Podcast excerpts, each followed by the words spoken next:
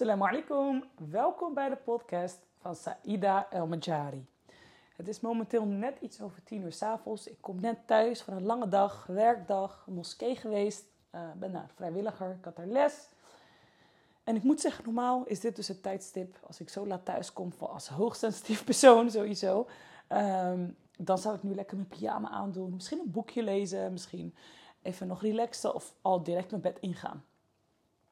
Maar nu wist ik van oké, nee, ik moet nog een podcast opnemen. um, en dat zijn dingen, zeg maar, deze commitment, dat was eigenlijk ook de reden waarom het zo eng was om de commitment af te leggen. Dus op het moment dat ik zei van ik ga in heel februari elke werkdag een podcast opnemen, toen had ik het heel benauwd, omdat ik wist dat er momenten zouden zijn zoals deze, dat het heel lastig is, een uitdaging is, um, om me eraan te houden. Daarom doen we heel vaak dingen niet. We houden onszelf heel vaak klein ook, ook in het ondernemerschap, omdat we weten als we naar een volgende level gaan, dat dat iets van ons gaat vragen. We weten als we gaan investeren in een business coach, dat we echt, echt aan het werk moeten. En dat, en dat maakt het dat we vaak ja, excuses bedenken of gaan uitstellen om het maar niet te doen, omdat we weten, we worden geconfronteerd, uh, we gaan ons ongemakkelijk voelen en dat willen we liever niet. En daarom was het eng om deze commitment aan te gaan. En ik ben heel blij nog steeds dat ik hem wel ben aangegaan. Uh, want ja, we zijn al heel wat podcast-afleveringen verder. Uh, ik krijg leuke reacties. Um, en ik hoop vooral dat het ook wat met mijn bereik doet. Hè, om meer ondernemers te trekken. Uh, om meer inzichten te geven. En waar ik het vandaag over heb, is iets wat ik um, van heel veel mensen, heel veel mensen, elke keer hoor die bijvoorbeeld willen gaan ondernemen.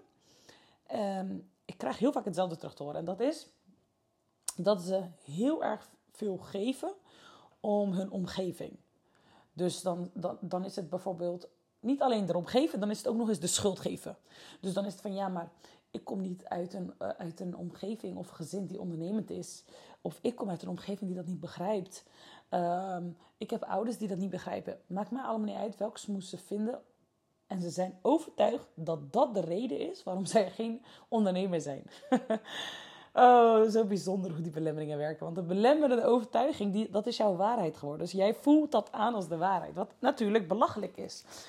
Um, in de zin van, je weet al dat het een leugen is, omdat alleen al door mijn confrontatie, dat ik ook uit een gezin kom die niet ondernemend is. Ik heb ouders gehad die mij probeerden tegen te houden in het ondernemerschap. En zie hier, ben toch een ondernemer.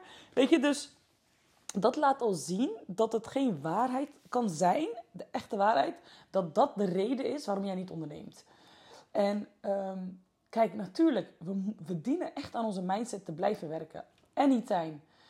Je moet ook aan jezelf blijven werken. Op het moment dat jij niet aan jezelf werkt, als jij niet in je persoonlijke ontwikkeling niet meer groeit, dan groeit jouw bedrijf ook niet. Dus ze gaan hand in hand. Maar wat zo zonde is, is dat ik mensen zie parkeren. Dus er is een belemmering. En in plaats van kijken van oké, hoe ga ik deze belemmering overwinnen? Wat kan ik doen om toch verder te zetten? Kan ik hulp inschakelen? In plaats daarvan gaan ze parkeren. En dat is zo niet logisch, want stel je voor, stel je voor dat een bakker, dat een bakker mentale uh, issues heeft, waar hij aan moet werken, of weer een uitdaging heeft, en dat hij dan zegt, ja, weet je wat, ik ga twee maanden mijn deuren sluiten, want ik moet even aan mijn persoonlijke ontwikkeling nu even werken. Uh, en daarna kom ik weer terug. Dat kan niet, toch? Dat, dat, dat is heel vreemd. Dat, dat zien we niet. Dat, dat, ik weet zeker dat je dat gek vindt. Waarom vind je het dan wel kunnen bij jezelf? Op je, als het gaat om ondernemen. Of je nou nog moet starten of al bent gestart. Wat maakt dat je dat, dat niet serieus neemt? Net als die bakker dat hij niet zijn deuren gaat sluiten. Waarom sluit jij je deuren? Waarom parkeer je? En ik zeg niet dat het nooit moeilijk is of dat het nooit uitdagend kan zijn. Ik, bedoel, ik moet ook elke keer weer nieuwe belemmeringen uh, uh, verslaan. Elke keer als ik weer naar een nieuw level ga. Nieuw level, nieuw devil, zeggen ze altijd, toch? Maar ik ga, het verschil is, ik ga wel door. Mijn business loopt door. Um, ik zorg dat mijn inkomsten doorgaan. Met de wil van Allah natuurlijk. In plaats van, ja, weet je wat? Ik ga nu even aan mezelf werken. Ja, nee, nee, ik loop nu vast op deze belemmering hoor. Uh, nee, ik, ik, ik ga straks weer verder. Uh, wanneer, deze, wanneer ik over deze drempel ben, dan ga ik weer verder. Nee, zo werkt het niet. Zo werkt het niet. Dus waar hou jij nu jezelf in tegen? Of heb je jezelf wijsgemaakt dat ah, de macht van jouw beslissingen bij jouw omgeving ligt, bijvoorbeeld? Kijk, het kan zijn dat jij jezelf super belangrijk hebt gemaakt wat jouw omgeving vindt. Ja, daar, daar dien je je overheen te zitten. Want jouw droom, hoe, hoe jij kan dromen, stel dat jij een bepaalde droom hebt in, jouw in het ondernemen, hoe je wil realiseren. Op het moment dat jij je omgeving probeert over te halen, zij gaan nooit dat kunnen ervaren en voelen en zich kunnen voorstellen hoe jouw droom aanvoelt, omdat het jouw droom is. En jij probeert jouw droom op te leggen bij een ander, omdat je zo graag goedkeuring wil. En dat heb je niet nodig. Stop daarmee. Zoals het andersom ook vaak is. Jij kan ook vaak niet altijd andermans droom helemaal begrijpen. Of, of, of zien wat die. Zeg maar, als jij bijvoorbeeld een bepaalde toekomst voor je ziet, een bepaalde winst die je eruit kan halen. Dat kan een ander niet altijd zien, zoals jij. Dus dan hoef je hun ook niet over te halen. En al helemaal niet mensen die er niet mee bezig zijn. Heel weinig, er zijn niet, niet iedereen houdt zich bijvoorbeeld alleen al bezig met persoonlijke ontwikkeling. Die leven in hun eigen bubbel, hun waarheid. En die gaan ze opleggen bij een ander, omdat ze denken dat dat het beste voor je is. Mijn ouders hebben ook het beste voor mij over. Dus op het moment dat, ik, dat ze wisten dat ik wilde gaan ondernemen en tegen mij zeggen dat ik dat niet moest doen, is dat niet omdat ze mij klein willen houden. Dat is niet hun intentie. Hun intentie is om mij te beschermen, om mij te behoeden en om mij het beste te adviseren. En vanuit hun uh, levenservaring, waarin zij heel hard moesten bikkelen in Nederland, voor, om ons al een gemakkelijkere toekomst te geven, de kinderen. Voor hun is, is, is, is um, een vaste baan, een loondienst, een werkgever hebben, is, is zekerheid. Want hè, straks ben je ziek, dan heb je loon. Dat is iets ja, om, om van te dromen vanuit hun oog, oogperspectief. Maar niet vanuit die van mij, want ik, ik heb niet de bagage zoals die van mijn ouders. Ik heb niet de trauma's die, zoals van mijn ouders. En ik heb de luxe uh, om anders soort beslissingen te kunnen nemen dan die zij hadden. Want als je op overlevingsstand staat, is heel anders natuurlijk. En ik kan er dan voor gaan kiezen om te zeggen: ja, nee, het zijn mijn moeder en mijn vader hoor. Ja, nee, die zijn heel belangrijk wat zij vinden. Nee, nee, nee, zij weten het wel beter hoor. Nee, dat ga ik niet. Nee, dat is belachelijk. Hoe jammer dat je dat gevonden trouwens, als ik dat, als ik dat had gedaan. Hadden jullie me waarschijnlijk niet eens gekend. Nee, ik ben gewoon door gaan zetten. Ik heb het aangehoord. Ik begrijp het vanuit hun perspectief. En ik ga door. Het is niet altijd leuk, vooral als je aan het begin staat en genoeg onzekerheden hebt. Maar ik, ik zag iets voor me. Mijn, mijn verlangen was te groot.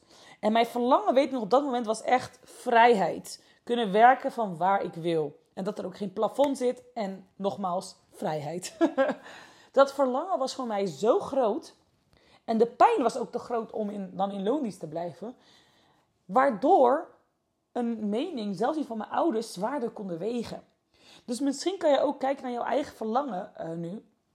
Van hé, hey, waarom wil ik het eigenlijk? Zodat je, zodat je dat veel groter gaat maken dan andermans mening die gewoon kijkt vanuit zijn eigen bubbel.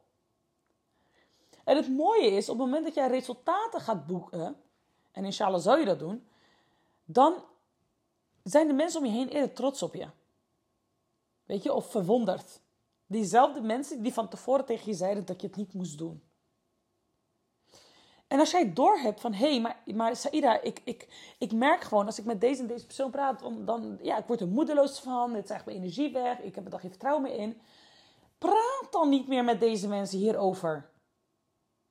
Dat is jouw keus. Stop daarmee. Praat er niet over. En zoek mensen op die hier al mee bezig zijn. En dat heb ik natuurlijk in de vorige podcast ook gezegd over netwerken, uh, bijvoorbeeld. Zoek mensen op online ook. Ook als je betaalde training gaat doen, zoals bij mij nu, Bouw een Succesvolle Business, die maandag 28 februari start. Je, je ontmoet dan gelijkgestemde mensen. Mensen die, net als jij, keihard bezig zijn met hun business, business en niet bezig zijn om tegen jou te zeggen: nee hoor, dat hou je niet. Nee, dat, dat is een hele ander soort mensen met wie je dan te maken hebt. Investeer in jezelf. En je hoeft het niet allemaal in je eentje uit te vogelen. Dat doe ik ook niet. Ik heb elke keer een coach waar ik investeer. En mensen die investeren weer in mij, die bouwen een succesvolle business bijvoorbeeld meedoen. Of mij, of mij als coach nemen. Wat heel slim is, want ik kan hen weer verder helpen op de plek waar zij staan, uh, om ze ook te krijgen waar ik ben. En mijn coach trekt mij weer verder naar waar diegene staat. En die heeft weer een coach die diegene weer verder het volgende level helpt. Dus maak het niet zo ingewikkeld, jongens. Maak het niet ingewikkeld. Dus Conclusie: kijk naar je verlangen en je pijn. Dus waarom zou je verandering moeten hebben? Uh, wat gaat het je opleveren? En wees bewust van je omgeving met wie je je dromen deelt. Niet met mensen die, een klein, die niet zo groot kunnen dromen zoals jij. Je gaat ook geen uh, plan, een miljonair plan, uh, met iemand delen die in de uitkering zit. En dat is niet beledigend bedoeld, maar het is gewoon heel logisch dat iemand die in de uitkering zit, vanuit die fase qua persoonlijke ontwikkeling waar diegene staat, in vergelijking met iemand die al een miljonair plan gewoon voor zich ziet hoe dat kan lopen. Dat botst. En diegene die in uitkering zit, die trekt jou naar hem toe. Omdat diegene niet zo groot kan dromen zoals jij. Dus wees bewust met wie je praat. Ja? Nou, tot morgen weer, inshallah. En uh, ik hoor graag op, in mijn Instagram terug, uh, Saida Inspiration Woman of Groei mee met Saida, wat jullie van deze podcast vinden. Ik, uh, ik hoor het heel graag. En ik zou het ook heel erg waarderen als je een review deelt. Je kan zeg maar bij de sterren aangeven bij Spotify. Um, ik zou dat super tof van je vinden. Heel erg bedankt. Salam alaikum.